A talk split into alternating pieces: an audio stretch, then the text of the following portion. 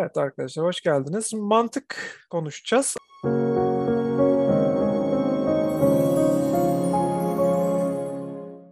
Aslında bu konuyu Alp gündeme getirdiğinde güzel oldu. Çünkü bizde sırada mantık vardı yani. En son tözü işlemiştik.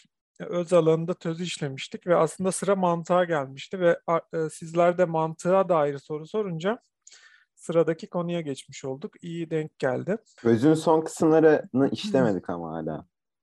İşlemedik ama yani tabii şöyle bir de ben e, tüm hepsini tek tek sırayla gidebilir miyiz bilmiyorum. Hani temel başlıkları işlememiz de yeterli. Ama şey yaparsanız yani o konuda bir talep oluşur da bir sonraki toplantıyı tabii ona dair yapabiliriz ama hani ben tek tek şu an hepsini işlemek değil hani genel amacım sadece her yere değinmek. Tabii detaya inebiliriz dediğim gibi şey yaparsanız, öyle bir talepte bulunursanız. Şimdi mantık konusunu konuşacağız. Önce ben size mikrofonu vereceğim biraz. Sizden duymak istiyorum. Ondan sonra da ben şemaya döneceğim yani biliyorsunuz bizim şemamızı.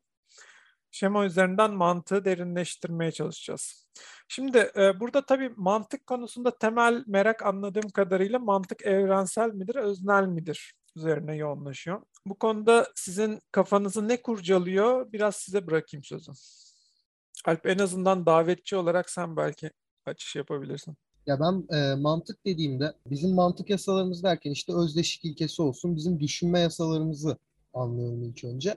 Ve e, bu mantık da aslında idealist felsefenin ya da işte rasyonalizmin ne hakkında konuşabileceğimizin çok büyük bir sınırını çiziyor. Çünkü düşünme yasalarımız dediğimde eğer bizim düşünme yasalarımızın dışında bir şey varsa e, o bize tamamen kapalı. Onun hakkında tamamen bilinemez e, durumunda kalıyoruz. Ama eğer mantığımız evrenselse yani her yerde her şekilde geçerli bir kuralsa bu işte bunu ilk önce Aristo, Aristoteles mantığı böyle, Leibniz'in de böyle mantık yasaları, varlığın yasaları aynı şekilde.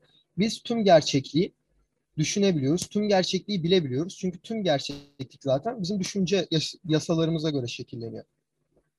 Ama e, işte mantığın tüm gerçekliği kaplayan, tüm gerçeklik e, için bizim gibi o e, bizim düşünme yasalarımız gibi mi oldu?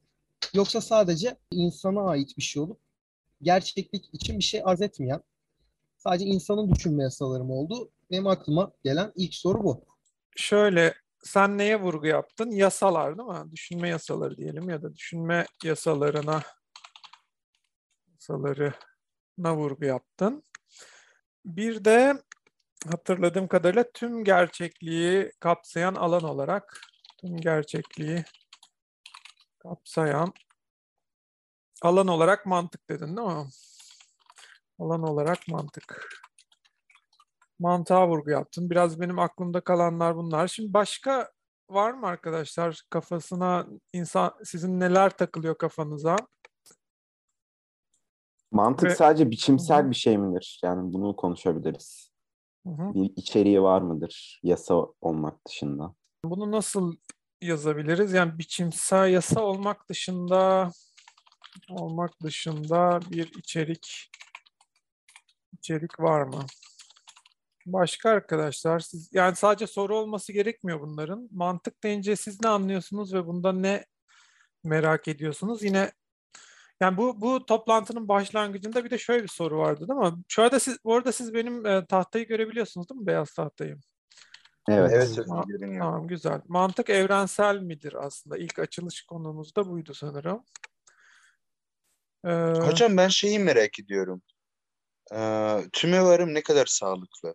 Tümevarım nasıl yapılıyor? Hı hı. Tamam.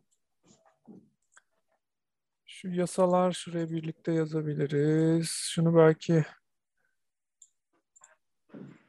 şöyle üst alıyoruz. Başka arkadaşlar söz almak isteyen başka var mı bu arada? Ben tüme varımı da yazacağım. Tüme varım ne kadar sağlıklı? Var mı arkadaşlar başka yorumunuz ya da merak ettiğiniz bir şey? Hocam ha, e, evet. mantığı temel olarak kabul edelim diyen görüşler de var. Onların ne kadar sağlıklı olduğunu da belki konuşabiliriz. Onu şuraya ekleyebilir miyiz acaba? Mantık ekleyemiyorum burada. Temel midir? Mantık evrensel midir? Temel midir? tüm gerçeği kapsar mı? Şu üç soru sanki bir arada duruyor gibi. Sonra da bir düşünme yasaları, şunları biraz ayıralım. Düşünme yasaları mıdır ve yasa olmak dışında bir niteliği var mıdır? Daha sonra bir tüme varım başlığı geldi. Şöyle üç alana ayırabiliriz. Var mı başka yorumunuz? Sanırım yoksa da bunlar zaten yeterli bir tartışma zemini bize sunuyor. Baştan başlayalım arkadaşlar. Mantık evrensel midir ve temel midir? Herhalde temel midir sorusu daha önce geliyor. Şimdi mantık temel midir? Bütün bilginin temeli midir? Yani mantık bütün bilginin temeli gibi duruyor. Yani bütün bilginin altında bir mantık var gibi duruyor. Bir mantık olmayan bir alan düşünebiliyor musunuz? Size sorayım bu konuda. Yani mantığı olmayan felsefede bir alan var mı? Şimdi mantıkta bir e, bir e, şey değil mi? Bir e, düşünce yapısını bahsediyoruz. Bir düşünme biçiminden, düşünme yapısından bahsediyoruz ve bu düşünmeden önce ele aldığımız kavramlar vardı değil mi? Varlık ve töz alanını ele almıştık. Burada henüz düşünmenin kendisi söz konusu değildi. Yani varlıkta varlık söz konusuydu. Tözde ise şeyler, bu varlıkların çok hali ve bunların imgesel varoluşları söz konusuydu. O yüzden sanki mantık bu iki alanın idealliği olarak var olduğu için, öyle iddia ettiğimiz için, öyle düşündüğümüz için mantık öncesi alanlar dersek varlık ve töz alanı diyebiliriz. Bu alanların bir mantığı olmadığı için değil bu. Ama yani or- orada henüz mantığa ulaşmış bir gelişkinlik yok. Henüz orada bir mantığı ortaya çıkaracak bir düşünme, bir düşünce, bir kavram değil mi? Kavram olmadan mantık olamaz zaten. Yani kavram mantığın temeli aslında kavramlar. O yüzden e, o alanlarda henüz mantıktan söz etmek için erken olduğunu görüyoruz. Yani varlık ve töz alanında. Ama derseniz ki bilimin yani bugün bildiğimiz pozitif bilimlerin temeli mantık mıdır? Evet. Yani çünkü pozitif bilimlerin hepsi doğayla ilgilendiği için çoğu ya da diyelim insanlıkla ilgilenenler de var ama çoğu doğayla ve ya da insanlık alanı da mantıktan sonra geldiği için aslında e, bilimin temeli mantıktır de, demek yanlış olmuyor. Varlık bilimi ve töz bilimi yani ontoloji ve fenomenoloji sanki mantık için erken gibi görünüyor. Ama onun dışında bütün pozitif bilimler, sosyal bilimlerin temelinde mantık var. Yani mantık temeldir gibi duruyor. Bu düşünce size de anlamlı geliyor mu? Evet. Hocam ben şeyi anlayamadım. Ee, bu ontolojiyi, tözü varlığı da biz yine düşünerek ve mantık çerçevesinde yapmıyor muyuz? Kendi mantığımızla. Yani şimdi e, tabii biz kendi mantığımızla yapıyoruz. Ama orada yani mantık, ya yani orada kavram kavrama gelişmiş değil. Henüz varlık dediğimiz şey e, kendisi henüz bir kavram değil.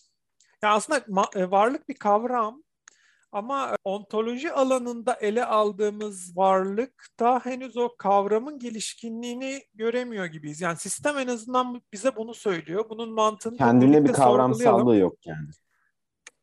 Evet, yani kendinde bir kavramsallığı yok. Biz ona kavram olarak bakıyoruz ama kendisi bir kavramsallık içermiyor. Yani varlık olması için, varlık üzerine konuşmamız için önce kavramı ele almamız gerekmiyor. Tamam mı? Aslında belki de doğru ifade bu. Önce kavramı ele almamız gerekmiyor. Varlıktan bahsetmek için ya da tözden bahsetmek için önce kavram nedir'i sormamız gerekmiyor. Varlık nedir? Bir şey var mıdır? Varlık var mıdır? Yokluk nedir? bunları tartışırken henüz kavram nedir'e gitmemiz gerekmiyor. O yüzden kavrama, yönteme, bilgiye gitmediğimiz için daha orada o tartışmada henüz orası mantık alanından önce geliyor. Ontoloji ve fenomenoloji. Hocam şeyden dolayı biraz da. Biz varlık alanında çok daha her şeyin temeli olan ve direkt dolaysız kavranan bir şeyden bahsediyoruz ya ontolojik olarak her şeyin temeli olan dolaysız kavranan. Hı hı, dolaysız evet. Doğru. O yüzden de kavramlaş evet anladım. Evet doğru yani dolaysızlık alanı e, varlık. Yazmak vakit mi kaybettirecek diye düşündüm de varlık, töz ve mantık. Şimdi bu biliyorsunuz e, aslında Hegel'de burası bu üçü mantık olarak geçiyor. Varlık, töz ve kavram öğretisi değil mi? Ya da mantık ya da kavram. Şimdi burada ben bu, bu adlandırmayı öneriyorum Hegel'den farklı olarak. Bence daha yerine oturuyor. Varlık alanı ilk dolaysız alan, töz alanı dolaylı alan varlığın kendisiyle dolaylandığı ve artık töz hani burada biraz da imge kavramı belki daha gözümüz önüne getirir tözün ne olduğu konusunda. Töz ve imge alanı var, varlık alanı var ma- ve mantık. Hani burada da kavramla başlıyoruz. Mantık ve kavram alanı var. Şimdi burada e, varlıkta henüz biz kavramı tartışmamız gerekmiyor varlık için ya da töz için kavram nedir? Ya bunun kavramdan sonra ne var burada? Bilgi var ve şöyle yapmam lazım sanırım. Bilgi var ve e, yöntem var değil mi? İdea ya da yöntem var. İdea.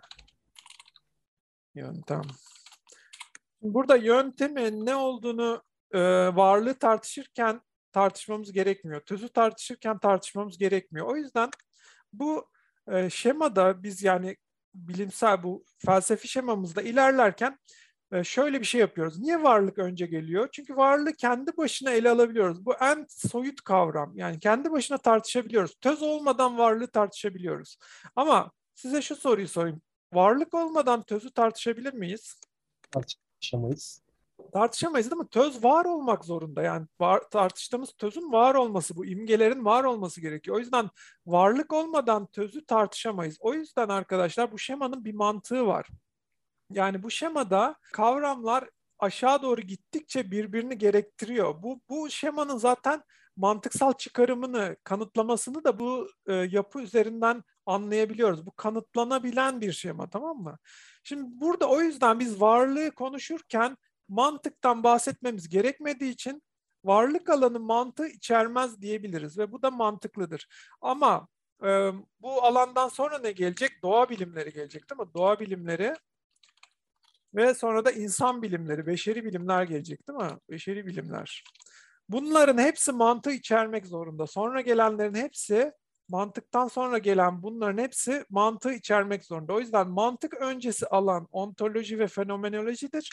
Mantıktan sonra gelen bütün bilimler ise mantığı içermek zorundadır. Bu yüzden mantıktan sonra gelen bütün bilimlerin temeli mantıktır diyebiliriz. Ama zaten bugün e, insanlara sorduğumuz zaman bilim nedir dediğimiz zaman kimsenin aklına ontoloji, fenomenoloji gelmeyeceği için bilimin temeli mantık mıdır dersen evet mantıktır dediğin zaman o insanlar için doğru bir cevap oluyor. Oldu mu bu, bu, bu soruyu ben yeterince oturtabildik mi? Evet. Buna şöyle tik tik tik koyalım o zaman kendimizi tatmin edelim. Ee, şey oldu mu arkadaşlar bu sorunun cevabını Kafamızda oturtabildik mi? Ya da soru var mı burada? İkinci sorumuz mantık evrensel midir yoksa kişisel midir ya da şahsi midir? Herkesin mantığı kendine midir? Yani bu soruya da önce size bir tekrar mikrofonu uzatayım. Sizin cevabınız ne olur? Mantık evrensel midir yoksa kişisel midir?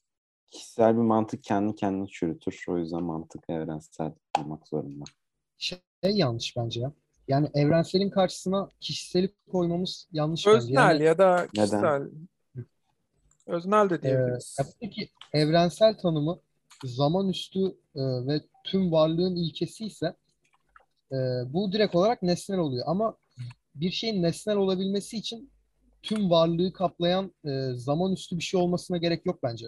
Sadece tüm insanlarda var olması gerekiyor. Tüm insanlarda zorunlu bir şart olarak var olması gerekiyor. Nesnel derken mi?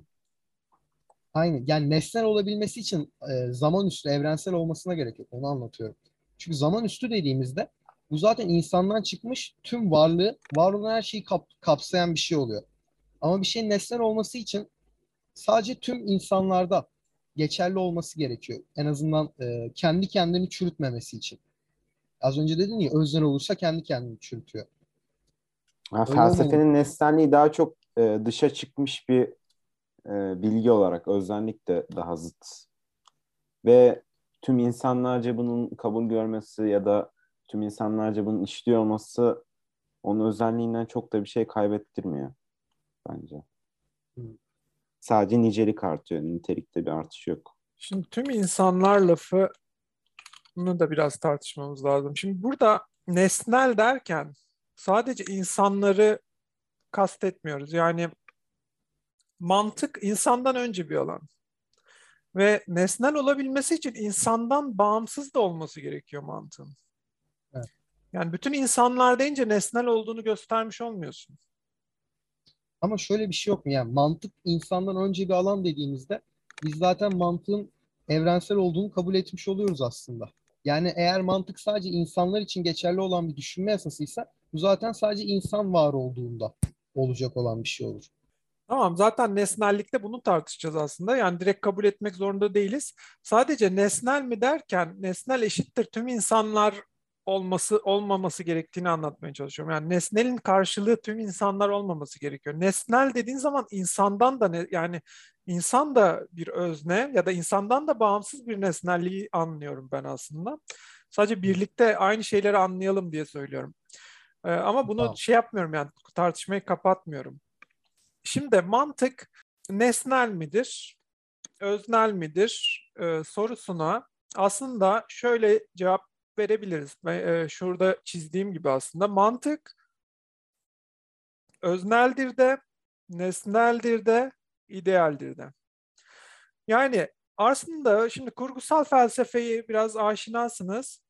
Burada görüyorsunuz ya üçer kavram var değil mi? Her yerde üç kavramla inceliyoruz. Üç aşamada inceliyoruz. Yani bütün kavramların üç aşamada incelenmesi gerekiyor. Kurgusal yönteme göre. E, kurgusal yöntem geçerli midir? Bu ayrı bir tartışma konusu ama biz şu an bunu takip ediyoruz. Mantığın öznel bir aşaması bu yüzden var. Yani mantık özneldir diyen insanlar haksız olmuyorlar.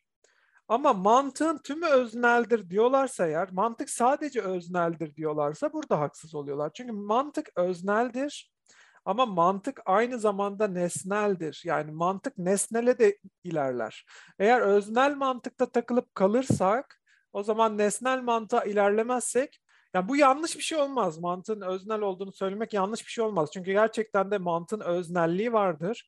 Ama mantık sadece öznel değildir. Mantığın öznelliğinde takılıp kalmak düşünce fakirliği anlamına geliyor. Yani düşünceni geliştirememek, düşünceni nesnelleştirememek, sendeki o düşüncenin nesnel olduğunu fark edememek anlamına geliyor. O yüzden aslında burada bir gelişememe sorunu var. Yani mantık özneldir diyen insanlardan kendi mantıklarının aslında dünyada da evrende de geçerli olduğunu anlayamama sorunu var. Bence burada tartışılması gereken şey bu. Yani mantık özneldir. Evet mantık özneldir. Buna karşı çıkacak bir şey yok.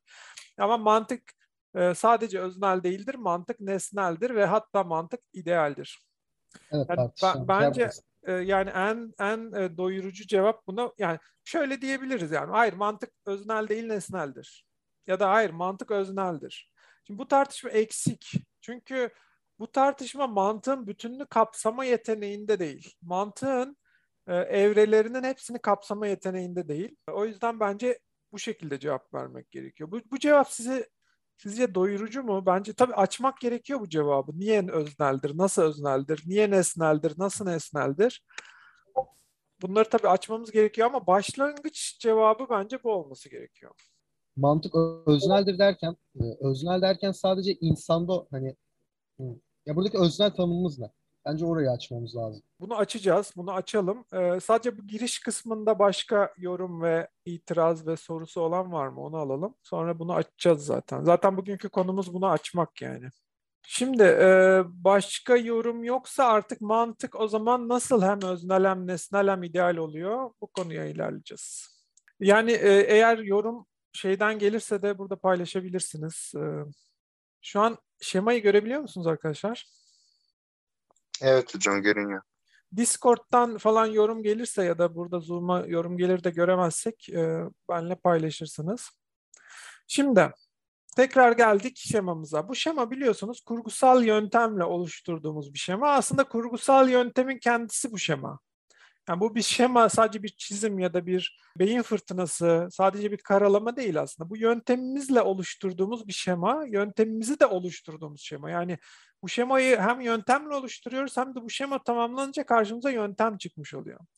Şimdi burada gerçekliğin üç aşamadan oluştuğunu söylüyoruz ve metafizik, doğa ve insanlık. Burada metafizik alanı içine mantığı yerleştiriyoruz. Yani mantık aslında az önce konuştuğumuz o varlık ve özün idealliğini bize veriyor. Varlık ve özün gerçekliğini bize veriyor. Şimdi bunu nasıl veriyor? Bu konuya ilerleyeceğiz. Şimdi burada daha önce elimizde ne vardıdan başlayalım belki. Daha önce elimizde bir varlık vardı. Varlığı tartışmıştık. varlık nedir, yokluk nedir, varlık var mıdır ve varlık nasıl vardır aslında? Bunu daha önceki videolarımızda tartışmıştık. Yine öz alanının temel kavramı olan tözü de tartışmıştık. Şeylerin özü tözü nedir? Varlıkların özü tözü nedir? Bunu tartışmıştık. Şimdi bu, bu iki tartışmadaki kavramlarımızda yani varlık ve töz kavramları gerçekliğini aslında bir kavram denilen şeyde buluyor. Yani kavram mantığın girişi arkadaşlar. Bu konuda bilmiyorum itiraz var mı? Ama kavram mantık deyince kavram yani. Kavramla başlıyoruz. Mantık dediğimiz an artık işin içine kavram giriyor. O yüzden kavram aslında mantığın başlangıç noktası ve bu kavram da nereden geliyor? Bu kavram da yoktan gelmiyor. Bu kavram da varlık ve tözün idealliğini oluşturuyor. Yani varlık soyut bir varlıktı, düşünsel bir varlıktı. Töz e, bu düşüncenin artık imgeleşmiş haliydi. Yani kendini gösterdiği haliydi, görünüşe çıkmış haliydi. Ama bunların kavranmış hali, yani varlık ve tözü birleştiren, imge ve varlığı birleştiren, düşünce ve görünüşü birleştiren kavramımız kavramda karşımıza çıkıyor. Bu ikisi yani bu varlığın ve tözün kavranmış, birleşmiş, idealleşmiş, düşünceye çıkmış. Tamam mı? İdeal deyince ne oluyor? Çünkü bu düşünsel değil mi? Düşünceye çıkmış artık hali kavram. Yani hızlı mı ilerliyorum? Buraya kadar takip edebildiniz mi? Ya da bir yorumunuz var mı? Sıkıntı yok şu an. Varlıklar yani tözlerden bahsetmiştik değil mi? Geçen e, geçen buluşmamızda. Burada varlık da töz de soyut e, soyut şeyler, e, soyut varlıklar ama kavram artık ete kemiğe bürünmüş oluyor. Yani doğal olarak ete kemiğe bürünmüyor henüz hala metafizik alanındayız çünkü değil mi? Metafiziğin içinde bir doğallık yok. Yani gerçek anlamda et, kemik yok. Ama e, artık bunların kalıcılaştığını görüyoruz. Yani varlık kalıcı bir şey değildi. Bir soyutluktan bahsediyorduk. Tanımlayamıyorduk varlığı yani. Sadece var olmasından bahsediyorduk. Töz de görünüşçe çıkmış varlıklardı ama imgeselleşmiş varlıklardı ama bunlara dair de bilgimiz yoktu. Yani sadece bir imgeden bahsediyorduk. Bunların e, içlerine işleyemiyorduk tamam mı? İmge dışsal hani şey gibi gözünüzü kapatınca işte bir at görmeniz, işte gözünüzü kapatınca o rüyanızda ne bileyim uçağa biniyor görmeniz. Burada uçak, at bunlar imgeler ama bunların içine işleyemiyoruz. Bunları sadece görüyoruz tamam mı? Dışsal olarak bunları görüyoruz ve bunların içine işleyemiyoruz. Şimdi kavram bunların içine işlemiş hali. Tamam mı? At vardır, Tamam atlık ve atı ve varlığı birleştirdi. Tözü ve varlığı birleştirdi. Ama at nedir? Nasıl vardır? Ya da diğer varlıklarla ilişkisi nedir değil mi? Tözsel alanda mesela at, atın yanında bir ağaç durabilir ama bunların hiç ilişkisi yok değil mi? Görsel olarak bir at durur, bir ağaç durur değil mi? Ama bunların aslında bir ilişkisi var değil mi? Yani ikisi de canlı mesela. Bu ikisi arasında ilişki var. İşte bu ilişkiyi kavradığımız yer, onların ne olduğunu ve o varlıkların birbiriyle ilişkisinin ne olduğunu kavradığımız yer kavram, mantık alanı, kavram alanı.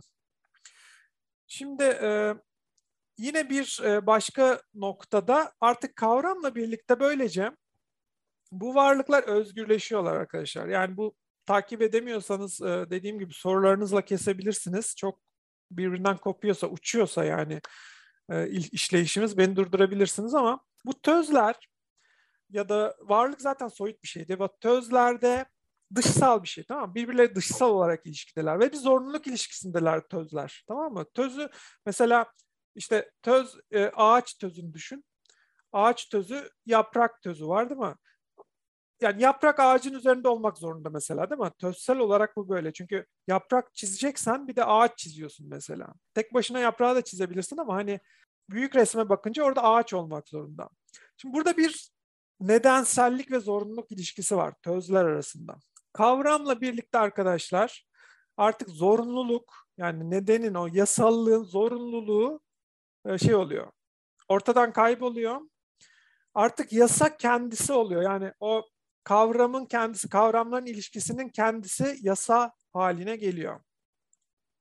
O yüzden artık bir zorunluluktan değil özgürlük alanına girdiğimizi görüyoruz artık mantıkla birlikte. Yani böyle bir bir ferahlıyoruz artık tamam mı? Artık dışsal o dışsal olan o şeyler, ona müdahale edemediğimiz, içine işleyemediğimiz, anlayamadığımız, sadece sevdiğimiz, korktuğumuz, heyecanlandığımız görüntüler ama onların içine işleyemiyoruz. Ne olduğunu iş, bilemiyoruz tamam mı?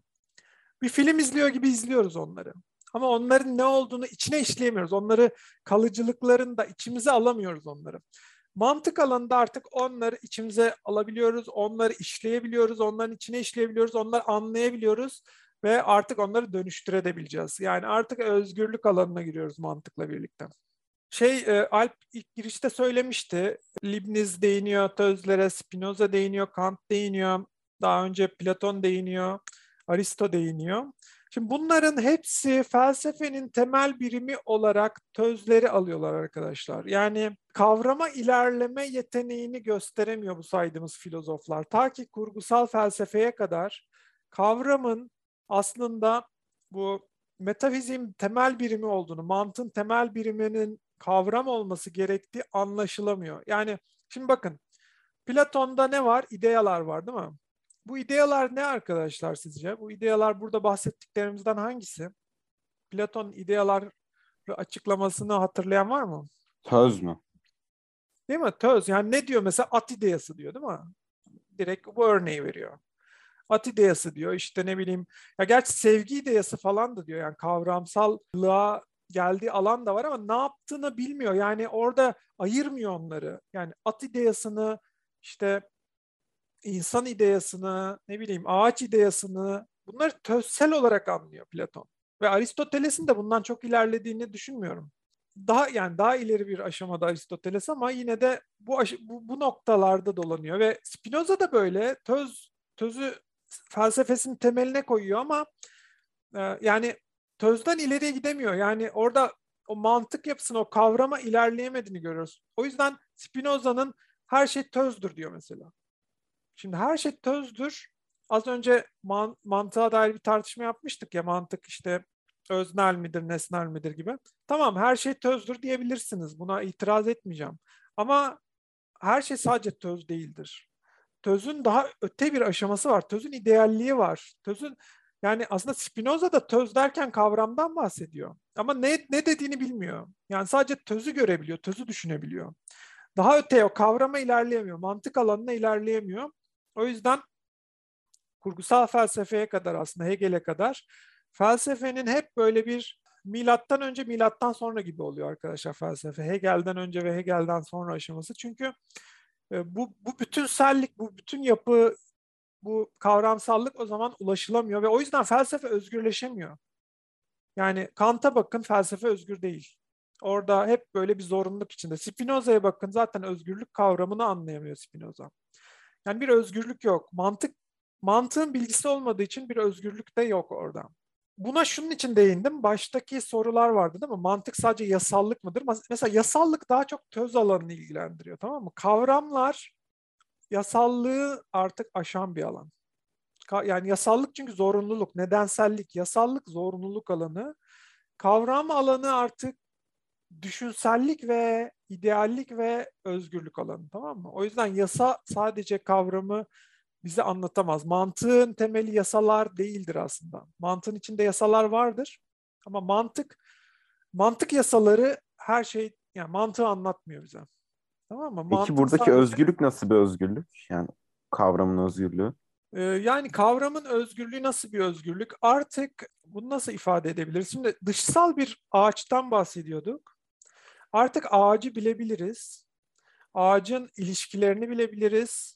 Ağacı değiştirebiliriz artık. Yani ağacın kendisini bilmeye başlayınca, ağacı bilgi yapınca, tamam mı? Ağacı bilgiye yükseltince artık ağacın başka bilgilerle ilişkisini anlayabiliriz ve ağaca müdahale de edebiliriz. Yani ağacı ne bileyim aşılayabiliriz, ağacı boyayabiliriz, ağacı kesebiliriz. Yani sadece karşımızda değişmez bir imge olmaktan çıkan kavramsallaşan ve bilgiye gelen ve bilgide artık bizim onun üzerine oynayabileceğimiz, onu, onu daha net anlayabileceğimiz, onun üzerine daha derin düşünebileceğimiz bir hale geliyor. Kavramlaşmasıyla birlikte o varlık. Şimdi insanın özgürlüğü kendi kendini belirleyebilmesi dış bir yetki tarafından e, değil ama kendi içinden e, karar verebilmesi ya. Buradaki e, kavramların özgürlüğü de düşüncenin kendi kendini belirleyebilmesi. Evet. Buradaki özgürlük de bu. Yani Aynen. düşünce artık düşünce artık dışsal değil. Düşünce artık soyut değil, varlık gibi. Düşünce artık imge değil, töz gibi. Tamam mı? Bunlar dışsal. Kavram artık düşünce kendi kendini belirliyor. Tamam mı? Artık artık dışsal bir ağaç yok yani. O ağaç bir kavram ve o ağaç gerçekliğin bir momenti, bir kavramı. Ağaç gerçekliğin hepsi değil. Mesela tözdeyken ağaç o gerçekliğin hepsi. Çünkü bir ağaç imgesini düşünüyoruz tamam O gerçekliğin hepsi o ağaç aslında. Ama artık ağaç sadece bir değişimin bir adımı. Yani o düşüncenin bir adımı. Sadece düşüncenin düşüncenin bir nesnesi. Yani ağaç ortadan kaldırılıyor ve ağaç kavramı yapılıyor arkadaşlar düşünce tarafından ve düşünce özgürleşiyor. Şimdi e, biraz ilerleyeceğim. Kavram dedik. Kavram öznel mantık alanından. Videolarda ben neleri işledim arkadaşlar?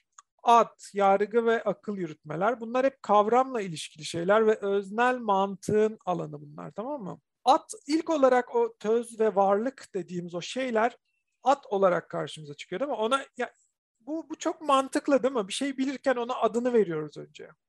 Değil mi? Yani mesela ağaca ağaç diyoruz. İşte e, file fil diyoruz, sevgiye sevgi diyoruz, iyiye iyi diyoruz değil mi? At yani at olarak karşımıza çıkıyor. Niye burası öznellik alanı?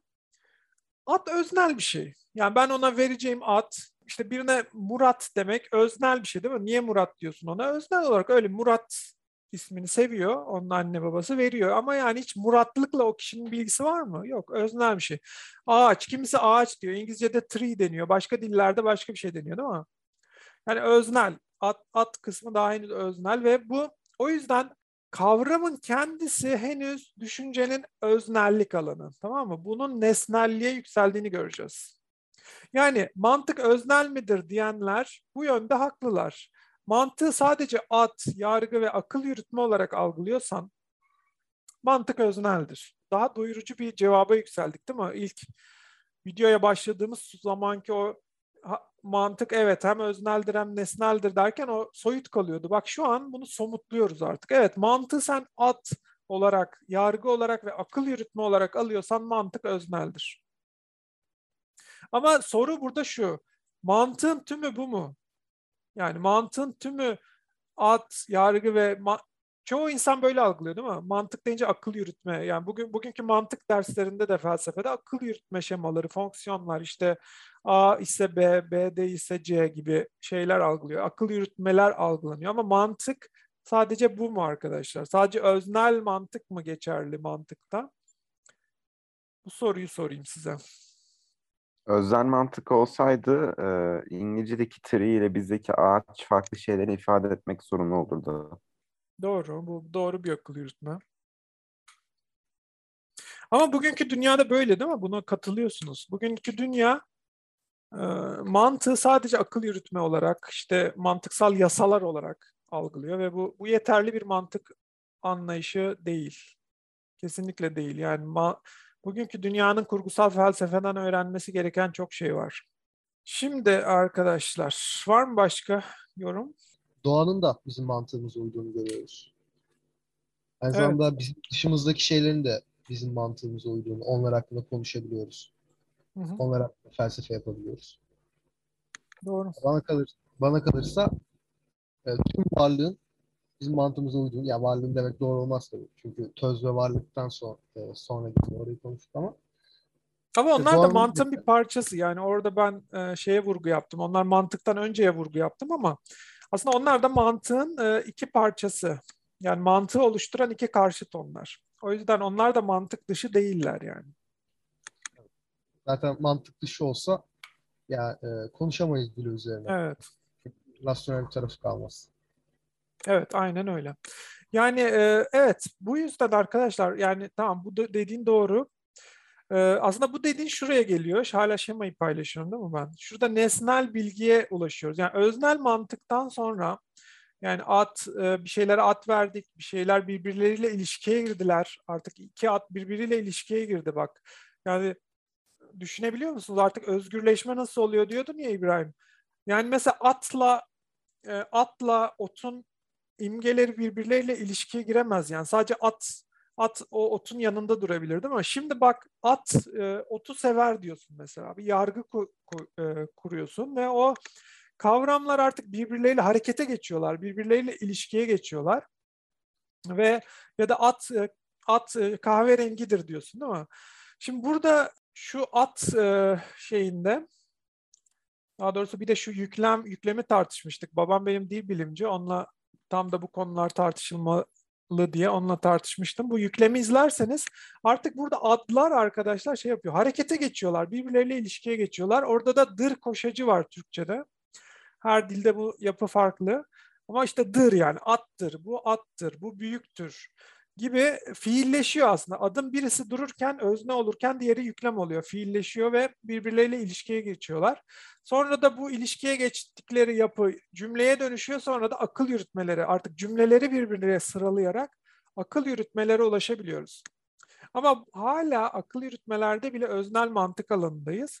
Ama Alp'in az önce söylediği gibi bilgiye ulaştığımız zaman yani bu artık bu akıl yürütmelerden sonra akıl yürütmeler bir şeyleri kanıtlıyor bize. Ve bu kanıtlanmış akıl yürütmeler artık bilgi olarak karşımıza çıkıyor tamam mı? Ve burası artık nesnel. Yani bir şey kanıtlandıysa, çıkarsandıysa, mantıklı olarak, felsefi olarak kanıtlandıysa, sadece deneyle kanıtlanmadan bahsetmiyoruz. Zaten bu alan deney alanı değil. Yani şu an mantıktan bahsediyoruz. Burada deney diye bir şey yok. Bunlar çıkarsandıysa, akıl yürütmelerle kanıtlandıysa artık nesnelliğe ulaşıyoruz ve mantık nesnel oluyor. Bilgi oluyor çünkü. Yani mesela atlar dört ayaklıdır değil mi? At dört ayaklı olmak zorundadır da diyebilirsin. Yani daha mantığa ulaşan ya da ne bileyim atın bir ağzı olmak zorundadır değil mi? Bu bilgiler artık nesnel bilgiler ve bu artık mantığın nesnelleştiği noktayı bize gösteriyor. Ve bu, bu, bu kişiden kişiye değişmiyor. Yani akıl yürütmeyi kişiden kişiye farklı akıl yürütmeler yapılabilir. Ama akıl yürütmelerin kanıtladığı bir noktaya geldiğin zaman, bilgiye ulaştığın zaman artık bu nesnel. Bu yüzden bu da mantığın konusu. Bilgi de mantığın konusu ve bu nesnel artık sana bana göre değişmiyor. Yani burada da mantığın nesnelliğini göstermiş oluyoruz bence. Var mı arkadaşlar bu konuda açmak istediğiniz, sormak istediğiniz? Şimdi bu şemayı incelerseniz öznel mantık içinde neler var? Evrensel kavram, kısmi kavram, tekil kavrama gidiyor at kısmı. Sonra yargı var. Şimdi burada bakın yargılara örnekler verilmiş. Kısaca bunlara değineyim sonra ilerleyelim. Kedi beyazdır, olumlu yargı. Kedi beyaz değildir ve kediler çeşitli renklerdedir. Sonsuz yargı. Artık genel, sonsuz bir hani genellemeye ulaşıyoruz. Sonra yansıma yargısına ilerliyoruz. Bunların hepsini tabii felsefi olarak çıkarsamamız ve birbirleriyle ilişkilerini kurduğumuz bir yapıda bulunuyoruz aslında. Kurgusal felsefe bunu yapıyor. Sonra yansıma yargısı geliyor. Burada tekil yargı, bu kedi tüylüdür. Kısmi yargı, kimi kediler tüylüdür. Evrensel yargı, tüm kediler tüylüdür şeklinde ilerliyor. Daha sonra bir zorunluluk yargısına ilerliyoruz daha üstte. Kedi bir hayvandır. Eğer kedi ise o bir hayvandır. Hayvansa ya bir kedidir ya da, ya da başka tür bir hayvandır. Yani yargı türlerini, cümle türlerini ya da iddia türlerini ya da yargı türlerini görüyorsunuz. En sonunda da kavramın yargısı, öne sürümlü yargı. Kedi iyi bir hayvandır. E, belkili yargı, kedi ya iyidir ya da değildir. Kanıtlı yargı, bir hayvan olan kediler fare yakaladıkları için iyidirler. Şimdi bakın artık akıl yürütmeye doğru yargıdan ilerliyoruz. Görüyor musunuz? Şimdi burada yani bu şemanın güzelliğini görüyorsun ya da bu kurgusal yöntemin güzelliğini görüyorsun. Her kavramı biz bu kurgusal yöntemin ilerleyişine, bu momentlere ayırarak inceleyebiliyoruz. Birbirleriyle ilişkilendirebiliyoruz. Bu çok büyülü bir şey yani. Bu kurgusal yöntemin ya da felsefenin aslında büyüsü burada. Felsefe o kuru kuruya anlatılan ezberler değil yani. Burada aslında bütün bu kavramların açılımını ve şeyini yapabiliyoruz. incelemesini yapabiliyoruz ve buradan yargıdan sonra akıl yürütmeye ulaşıyoruz. Hala öznel mantığın içinde Akıl yürütmelerde de tekil, kısmi ve evrenselin aslında birbirleriyle ilişkisini bu şekilde inceleyebiliyoruz. Siz de şemaya girerek bunun daha detaylarını inceleyebilirsiniz. Şimdi gelelim bunun... Bunlar neye göre e, şemaya giriyor? Şimdi neye göre giriyor? Şöyle düşün. Şema bize bir açılım verdi değil mi? Bu şema evrensel olarak her yerde geçerli olması gerekiyor değil mi? Kurgusal yöntemin. Gerçeklik. Gerçekliğin evet. soyutluğu metafiziktir dedik değil mi? Bunu çıkarsadık. Şu videolarda hep bunu anlatıyoruz. Niye gerçekliğin soyutluğu metafiziktir? Ya da metafizik nedir? Ya da niye vardır? Sonra buradan metafiziğin idealliği mantıktır dedik değil mi? Az önceden beri bunu açıklıyoruz. Sonra geliyoruz buradan mantığın öznel hali, ilk soyut hali kavramdır dedik değil mi? Bak aynı yöntemi kullanıyoruz. Yani her bir kavramı incelerken aynı momentleri görebiliyoruz. Bu evrensel olarak bize bunların hepsinin açıklamasını ulaştırıyor. Şimdi kavramı da dedik ki attan, kavramın kendisinden başlar, sonra yargıya ilerler ve idealli de akıl yürütmedir. Şimdi burada eğer bu noktaya kadar izleyebildiysen kavramsal açımlama, kurgusal ilerleme bize bu üç kavramı verebiliyor. Yani niye böyledir? Bunu tabii her birini ayrı ayrı tartışabiliriz. Ama şu, e, gelmek istediğim nokta şu akıl yürütme de eğer kurgusal şema yani kurgusal olarak açıklayabileceksek onun da bu üç momenti yani belirli momenti, dışsal momenti ve e, evrensel momenti olmak zorunda. Bunun cevabı kabaca bu. Yani bu yöntem buraya da işlemek zorunda ve işliyor. Yani şu açıklama bunun nasıl işlediğini anlatıyor aslında. Anladım. Ya bunu tabii her birini ayrı ayrı detaylı olarak ele almamız gerekiyor ama akıl yürütmede mesela bunu nasıl işlediğini anlattım şu videoda. Açarsanız buradan inceleyebilirsiniz. Şimdi nesnel bilgiye ulaştık dedik. Mantığın aynı zamanda nesnel de olduğunu bize bilgi gösterdi aslında. Ama mantık sadece nesnel de değildir. Çünkü nesnellik de bir dışsallık barındırıyor değil mi? Yani öznellik de bir dışsallık ama bireysel, soyut bir dışsallık. Nesnellik artık somutlaşmış bir dışsallık. Tamam mı? O bilgi somutlaşıyor. O bilgiyi bilebiliyoruz, somutlaşıyor ama bu da henüz dışsal. Kurgusal yöntemde o zaman ne yapmamız gerekiyor arkadaşlar? Burada da takılmamamız gerekiyor. Mantığı incelerken. Nesnellikte de takılmamamız gerekiyor. Ve o zaman diyoruz ki mantık aslında idealdir. Mantığın gerçekliği ideal olmak zorunda. Yani mantık ne özneldir sadece ne nesneldir. Mantık idealdir. Ve mantığın idealliğini de ideal, ideal mantıkta, idea kavramında inceliyoruz. Bu da yaşam kavramı, bilgi kavramı ve yöntem kavramında karşımıza çıkıyor. Bunların her birini de ayrıca videolarla inceledik. Yine soru olursa daha detaya girebilirim ama kabaca yani şimdi burada sizin o başlangıçtaki sorunuza ne cevap verdik arkadaşlar toparlarsak? Mantık öznel midir, nesnel midir dediniz. Ben de dedim ki mantık hem özneldir hem nesneldir ama en sonunda da ekledim ki aslında mantık gerçekte idealdir. Yani nesnel e, dışsal da değildir. Mantık her şeyin içselidir yani. Mantık her şey içseldir. Mantık her şeyin temelindedir ve o yüzden de mantık idealdir. Mantık aslında her kavramın bize yaşamsal birlikteliğini gösteriyor. O yüzden yaşamda e, o ideal mantık karşımıza çıkıyor. Yaşam kavramı burada çok önemli.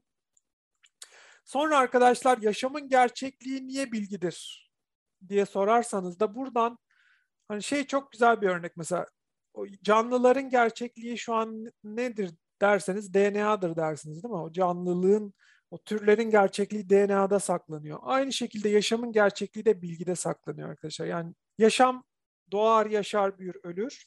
Yaşamdan yaşama aktarılan şey bilgidir. O yüzden yaşamın gerçekliği bilgidir. Ve bunların idealliği yaşayan bilgi bize yöntemi verir. Yöntem yaşayan bilgidir. Ve bu yöntem bütün bu kurgusal yöntemi anlatıyorum ya, bütün bu şema bir yöntemdir diyorum ya size. İşte bu, bu yaşayan bir bilgi aslında. Her şeyin temelindeki mantık işte burası. Her şeyin temelindeki bu mantık bu. Yaşayan bir bilgi bu.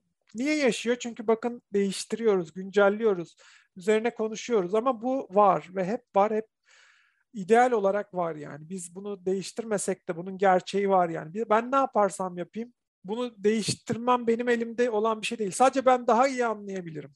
Bunu daha iyi ifade edebilirim. Yani mantığı ben sadece daha iyi anlayabilirim. Mantığı değiştiremem. Zaten o mantık ideal olarak var. Gerçekliğin özünde o mantık ideal olarak var. Ben sadece onu anlayabilirim, daha iyi ifade edebilirim ya da daha az ifade edebilirim. Kimisi bunu bilebilir, kimisi bilmeyebilir sadece. Kimisi der ki mantık sadece özneldir. Çünkü sadece şu kadarını, öznel kısmını anlamıştır. Kimisi der ki mantık nesneldir. Aynı bugünkü ders kitaplarındaki gibi sadece yazılım dili olarak mantığı anlarlar.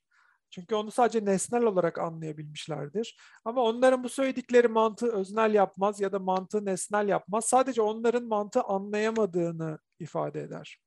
Bir de son soru vardı. E, tüme varım, tümden gelim vesaire onlarla ilgili. Ya, tüme Ona varım, tümden gelin. Burada nesnel mantığın e, içinde bilgi, pardon, e, ideal mantığın içinde bilginin e, momentleri aslında. Analitik, sentetik ve ideal bilgi. Burada analizde tüme varmaya çalışıyoruz. Yani analiz yaparak şöyle daha doğrusu bir şey analiz ediyoruz. Bir şeye dair bilgi topluyoruz ve o bilgilerden bir bütün oluşturmaya çalışıyoruz. Bugünkü deneysel bilim bunu yapıyor değil mi? Sürekli deney yapıyor ve o deneyin çıktılarıyla bir o zaman diyor işte deneyler bize şunu göstermiş ki bu budur diyor. Ama bu gerçek bilgi değil aslında. Tümevar'ın bize aslında gerçek ideal bilgiyi vermiyor. Çünkü 90 bin tane deney de yapsan 91 bininci deneyin sonucunu hala bilemezsin değil mi? Hala gözlemleyip bir deney daha yapman lazım. O yüzden bilgiye ulaşamazsın bu şekilde. Sentetik bilgi de kavramlardan gelir. Yani tümden gelimdir. Yani e, bunda da kavramdan dolayı şeye gelirsin. O tekil tekil nesnelere inersin. Canlı kavramını düşünürsün ve o canlı kavramını bireysel olarak canlılara uygularsın. Kavramdan dolayı uygularsın. Yani canlı budur, o yüzden bu canlı da böyle olmak zorundadır dersin. Bu da tümden gelim bize verir ama bu da ideal yöntemimizi vermez. İdeal yöntem bize zaten önce iyinin bilgisine ulaşırız, idealist bilgiye ulaşırız ve sonra da biz kurgu kurgudur yani ideal yöntem bize gerçeği verebilecek bilgi yöntemin kendisindedir ve o da kurgusal yöntem, kurgusal felsefede bize verilir. O yüzden tüme varım ve tümden gelim aslında bilginin birer momentidir. Bu tartışma da boştur yani. Tümden gelim mi doğru, tüme varım mı doğru? Bunların ikisi de bilgi, bilmenin bir aşamasıdır ama ikisi de e, ideal bilgiye ulaşamaz. Kurgusal yöntemdir doğru olan.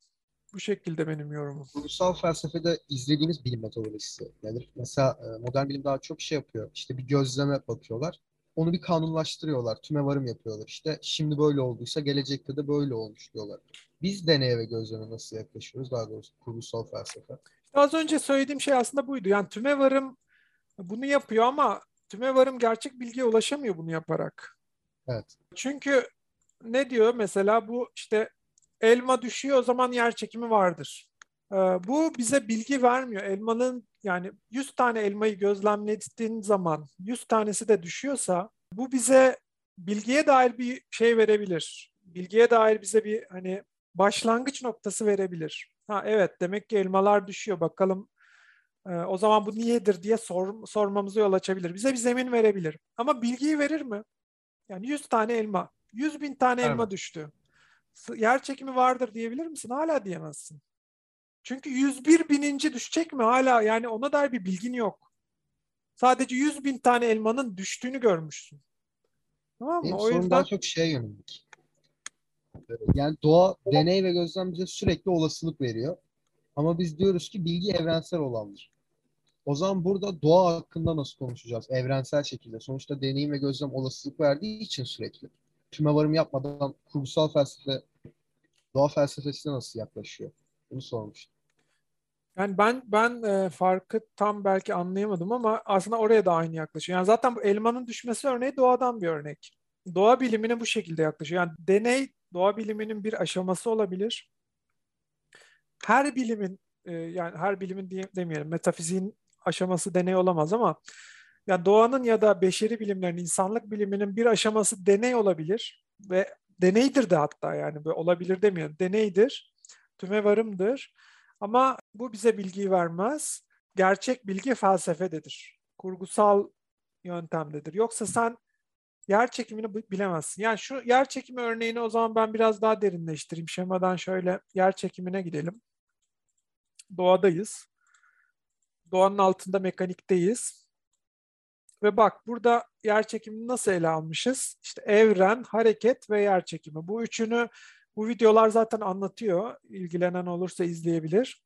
Ama şu şemayı sen kurmadığın sürece yer çekimi nedir? Yer çekimi mekaniği ideallidir.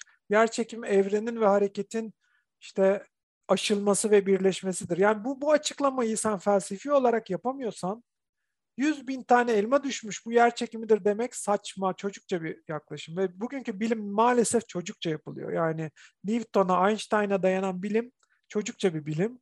Gerçek bilim felsefedir. Ve burada yer çekimini sen bu şema yani şema derken tabii bir şey, illa şema çizmen gerekmiyor ama yer çekiminin doğayla, mekanikle, hareketle, evrenle felsefi ilişkisini açıklayamazsan yer çekimini açıklayamazsın. Bunu da felsefe akılcı yöntemle yapabilirsin. Bu yani geleceğimiz nokta bu. Anladım. Dediğim gibi bugünkü bir şey bilim, sorabilir miyim? Doğa bilimi çocukça bir bilim. Akılcı yöntem tümden gelim olmuyor mu? Ee, akılcı yöntem tümden gelim olmuyor. Çünkü tümden gelimin şöyle bir eksikliği var. Tümden gelim e, yine aynı örnekten gidelim. Yer çekimine gidelim. Tümden gelim der ki kütleler birbirini çeker. O yüzden dünyada da yer çekimi vardır der. Tamam mı? Buradaki Hayır, demek istediğim şey şu. Yani mesela bir bir durum var. Mesela elime kalem alıp bıraktığımda bir durum meydana geliyor. Bu durumu akılcı bir şekilde açıkladığım zaman onu gözlemler üzerinden doğrulamıyorum değil mi? Sonuçta felsefe yaptığım zaman tümel bir takım şeylerden o tikel durumlara, gözlemlere, bu duruma bahsettiğim bu düşme durumunu açıklamış oluyorum. Günün sonunda bu yöntem olarak tümden gelim olmuyor mu? Tamam işte sana onu söyleyeceğim. Şimdi bak tümden gelime bir örnek veriyorum. Diyorum ki kütleler birbirini çeker o yüzden dünyadaki elma da yere düşer. Tamam bu bu tümden gelim çünkü bir kavramsal bir açıklama üzerinden o elmaya indik tamam mı? Tümden gelim yaptık. Sence Hı. burada eksiklik ne? Sen burada bir eksiklik görebiliyor musun? Çünkü bugünkü bilim Yok. tüme varım ve tümden gelime paslaşarak ikisini yapıyor. Ama burada bir eksiklik var. Felsefi yönteme henüz yükselememenin bir zayıflığı var. Buradaki eksikliği görebilen var mı arkadaşlar? Yani kütleler birbirini çeker o yüzden elma yere düşer. Bu açıklama sizce doyurucu mu? Kanıtlanmış bir açıklama mı? Varsayımlı olması mı? Aynen öyle. Yani kütleler birbirini çekeri sen varsayıyorsun baştan. Tamam mı? Kütle nedir? Çekim nedir?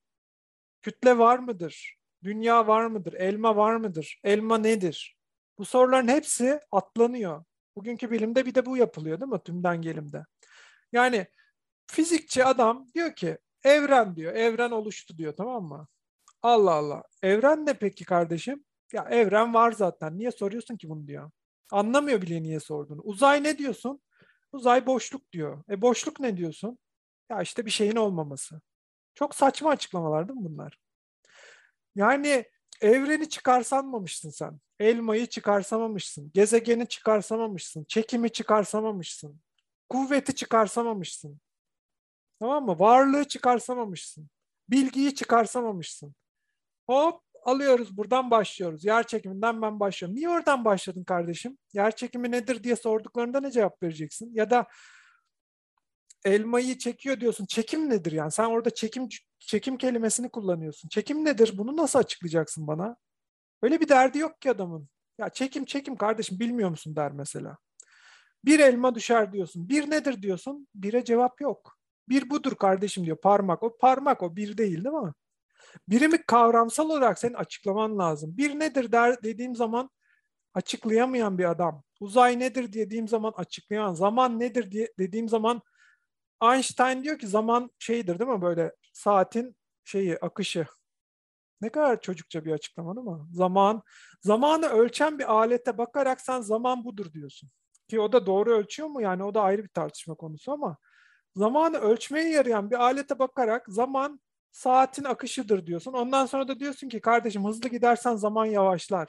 Hayır, sen hızlı gidersen saatin akışı yavaşlar. Zamanın yavaşladığını nereden biliyorsun? Çok çocukça arkadaşlar değil mi? Bu bilim, ya felsefesiz bilim çocukça bir bilimdir arkadaşlar.